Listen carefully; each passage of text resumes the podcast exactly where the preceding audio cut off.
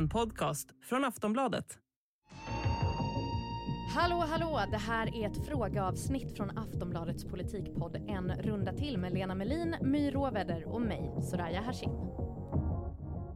Våra lyssnare har varit helt fenomenala på att skicka in frågor till er, My och Lena. Är ni redo? Ja. Daniel undrar, varför visar opinionsundersökningar olika? För att de görs på olika sätt. Det är väl det enkla korta svaret. Ge mig ett lite längre svar. Ja, eh, en del mätningar görs ju till exempel genom att man ringer folk eller skickar eh, pappersformulär som man ska fylla i.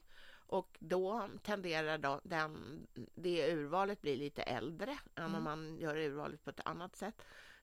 Eh, vi, alltså som använder oss av Demoskop, vi har ju webbundersökningar. Där har man delat in landet i 100, drygt 100 små boxar och eh, sen så ska de som svarar är bara de som så att säga motsvarar röstningen i den boxen i förra valet. Så man kan jämföra med hur det såg ut då. Eh, Det där ger ju en lite ungdomligare prägel. Mm. Och sen finns det ju eh, de som är en blandning mellan de här. Så vilken brukar ha rätt då? Av eh, opinionsundersökningar?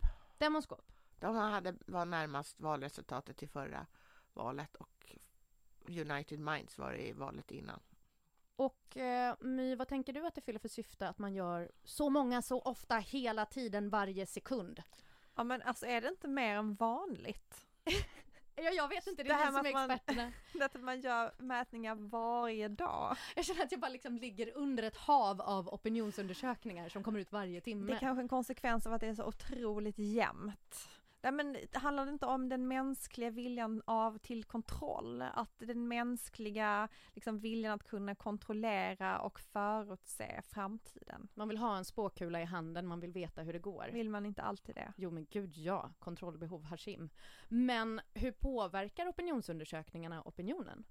Jo, men där, alltså där kan ju väljarna taktikrösta precis som de kan göra i, i det verkliga valet. Hur menar du då? Eh, ja, men vi, säg, att, säg att de tycker att eh, det ser lite illa ut för Ulf Kristersson, men de vill jättegärna ha Ulf Kristersson som, eh, som eh, statsminister. Då kanske de kan börja taktikrösta eller säga att de ska rösta på Liberalerna bara för att de, det ska se ut som det där. Eh, jag menar, Liberalerna låg ju ganska pyrt till under lång tid Eh, bara för att det regeringsalternativet ska se mer stabilt ut och då kan det komma ytterligare några som tänker ja men herregud då kanske inte jag röst, kastar bort min röst om jag röstar på Liberalerna eller något annat parti inom det här blocket för att jag tycker jag gillar också eller gruppen. Jag gillar också tanken på att Ulf Kristersson ska bli statsminister.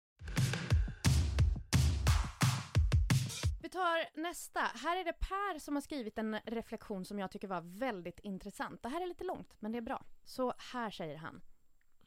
Jag såg SVTs utfrågning av Ulf Kristersson. När programledarna konfronterade Ulf om den där siffran på 700 000 invandrare som inte kan försörja sig själva så blev jag mer ledsen än besviken.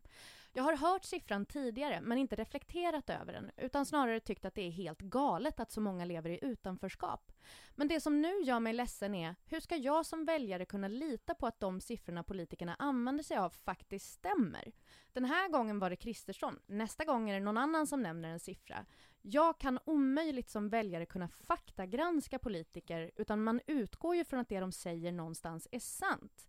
Jag förstår att alla partier vänder och vrider på siffror till sin fördel men här tycker jag att det blev otroligt tydligt. Det här handlar ju om faktiska människor. Hur reflekterar ni över det Per säger? Ja, det här var ju ett, ett eh, bra exempel på hur poli, politiken använder siffror på ett sätt som kanske inte är helt osant, men inte heller helt sant. Eh, jag tycker det som är intressant nu är egentligen om det kommer fortsätta användas den här siffran. Nu såg jag någon moderat igår som la upp att det var 675 000 som levde i, som inte kunde försörja sig. Eh, De drog ner lite på De har det. dragit ner lite Ja. men mycket oklart var de där siffrorna kommer ifrån. Eh, och att eh, nej, det är ju omöjligt för en väljare att eh, harva sig igenom allt det här och det är ju det som media är till för. Det är därför alla de här utfrågningarna finns. Det är därför media granskar politiker eh, och ja, det är vår uppgift, det är inte Pers uppgift. Lena, är det vårt fel att det här inte har kommit fram tidigare? Ja, min reflektion av detta är nämligen att jag skämdes att vi inte har gjort den här om att vi inte har tagit reda på vad den här siffran står för. Mm. Och det var ju jättebra att SVT gjorde det, men, eh, men det här är ju någonting som Ulf Kristersson har sagt i flera år, så att vi kunde ju ha gjort det för länge sedan. Vilka mer siffror vill ni kolla upp nu, nu, nu? Alltså blir ni sugna på att kolla upp fler siffror som det slängs med? Ja, just nu kommer jag inte på någon mer, men det finns säkert. Mm. Ja, det finns, alltså 100% att det finns också. Det är ju också så här att våra politiker är ju generellt sett ganska ärliga med vad man, de säger. De ljuger väldigt sällan, men vad de gör är att de bryter ut delar av sanningen och berättar den. Mm. Eh, och att det ibland då liksom, om man sätter in det i hela sanningen, kanske inte blir riktigt samma slutsats eller samma bild som de vill förmedla. Så att det är klart att vi måste titta på det. En, en sån sak som har varit, som var under ganska många år, där siffrorna var svårtolkade och de skilde sig, det var ju migrationen. Eh, och det var ju till exempel då så trixade man väldigt mycket med att bryta ut olika mätserier. Man hade liksom under vissa tidsperioder så såg det sämre ut och då tog man dem och så pratade man bara om dem. Då pratade man liksom inte om de längre linjerna Om som kanske, helheten. nej, som kanske såg bättre ut då. Det kanske inte var liksom lika stora ökningar eller minskningar, eller jag kommer inte ihåg exakt vad det var. Eh, och det är ju fortfarande sanningen, men det är liksom bara en del av sanningen och det speglar liksom inte verkligheten. Men jag tycker alltså det, det- hade ju varit klädsamt att Ulf Kristersson på något sätt erkände att det inte var rätt det där. Ja. Verkligen. Men, men istället så sa, sa han att ja, men du förstår tanken bakom det hela. Jo, jo, det gör man, ja, men då behöver man inte använda exakta siffror. För vad det här visade, vad SVTs granskning visade var ju att över 100 000 av de här 700 000 personerna som var utrikesfödda som hade jättelåg inkomst, de hade ju det av helt normala skäl. De var föräldralediga eller de pluggade Pluggade. eller någonting sånt där. Ja, för är inte 600 000 tillräckligt illa?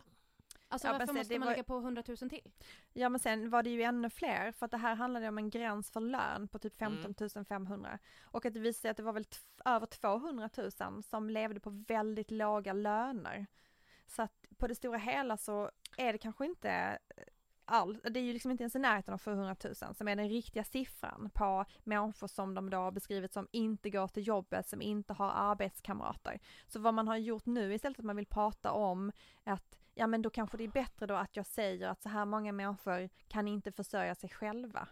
Eh, och ja, men för att den där siffran överhuvudtaget ska vara intressant så måste man i så fall jämföra med den med hur det ser ut i den svenskfödda delen av befolkningen.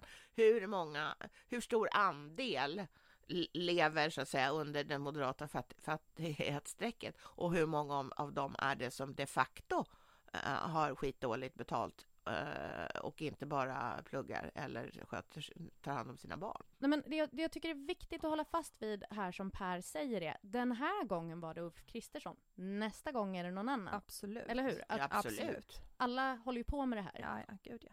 Alltså jag, jag tycker att det är så respektlöst mot väljarna att, att hålla på och, och fluffa till siffror oavsett vilket parti det är som gör det. För det är precis som Per säger.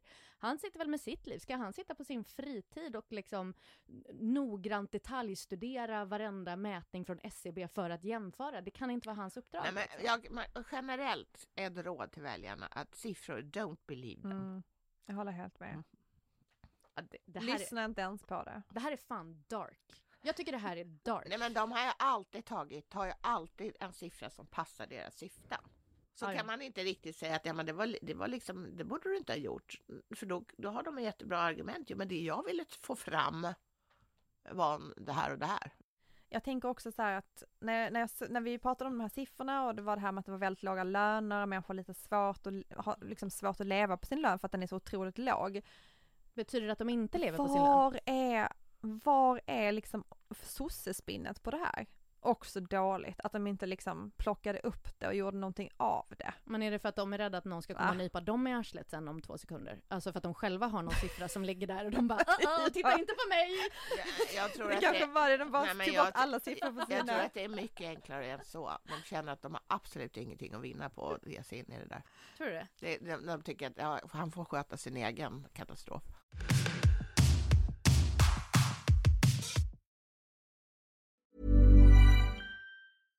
Ready to pop the question? The jewelers at BlueNile.com have got sparkle down to a science with beautiful lab grown diamonds worthy of your most brilliant moments. Their lab grown diamonds are independently graded and guaranteed identical to natural diamonds, and they're ready to ship to your door. Go to BlueNile.com and use promo code LISTEN to get $50 off your purchase of $500 or more. That's code LISTEN at BlueNile.com for $50 off. BlueNile.com code LISTEN. Från min ilska till en annan ilska. Lena, vi har en lyssnare från Eskilstuna som undrar Lena, när blir du som mest arg på politiker? Ja, jag blir mest arg när jag tycker att de strular till det utan eh, verklig orsak. Och det bästa exemplet är den här regeringskrisen förra sommaren Mm. där eh, Vänsterpartiet eh, var jättesur på ett utredningsförslag som handlar om eh, mer marknadsinslag i hyressättningen av nybyggda bostäder och som slutar med att riksdagen röstade bort eh, regeringen och för att Vänsterpartiet lyckades få med sig de, de, eh, flera partier som såg till att det fanns en majoritet då för att rösta bort eh, Stefan Löfven för ett förslag som han inte hade presenterat. Det, alltså det, där, det, är, det är politik när det är som absolut sämst. Eh, My, när, när blir du arg på politiker? Blir du det? Nej. Jag är inte så känslomässigt investerad höll jag på att säga. det, det är Lena och jag som står för känslorna. Ja, nej men, men eh, jag kan ju bli lite trött. Mm. Det händer väldigt När blir sällan. som tröttast Ja, jag har faktiskt ett exempel. Ja. Det, det faller inte långt från, det är ett äpple som inte faller långt från Elenas träd där Ja. borta. Nej men den enda gången som jag har känt mig lite trött, det var när Miljöpartiet hoppade av regeringen. När vi hade en kvinnlig statsminister i fyra timmar. Och sen hoppade Miljöpartiet av.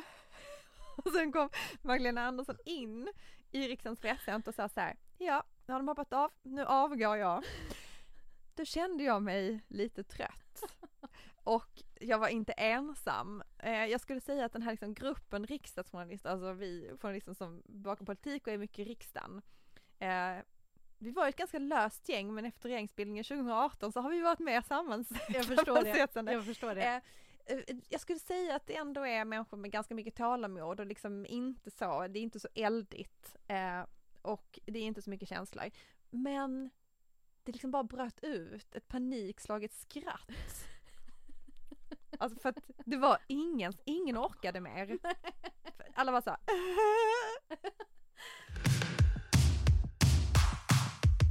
Tack så hemskt mycket Lena och My. Det var alla frågor vi hinner med idag. Men nästa måndag så öppnar vi ju frågelådan igen, så skicka in det ni undrar till My och Lena på podcast.aftonbladet.se. Och så är vi ju såklart tillbaka på torsdag med ett alldeles vanligt avsnitt. Vi som har gjort detta heter Olivia Svensson, My Råvedder, Lena Melin och jag är Soraya Hashim. Hej då!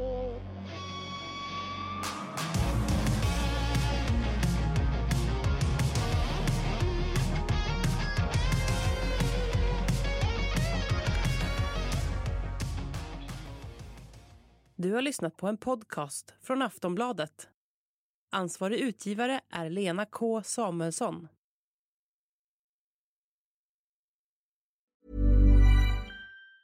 When you're ready to pop the question, the last thing you want to do is second guess the ring. At Bluenile.com, you can design a one of a kind ring with the ease and convenience of shopping online. Choose your diamond and setting. When you find the one, you'll get it delivered right to your door. Go to Bluenile.com and use promo code LISTEN to get $50 off your purchase of $500 or more. That's code LISTEN at Bluenile.com for $50 off your purchase. Bluenile.com code LISTEN.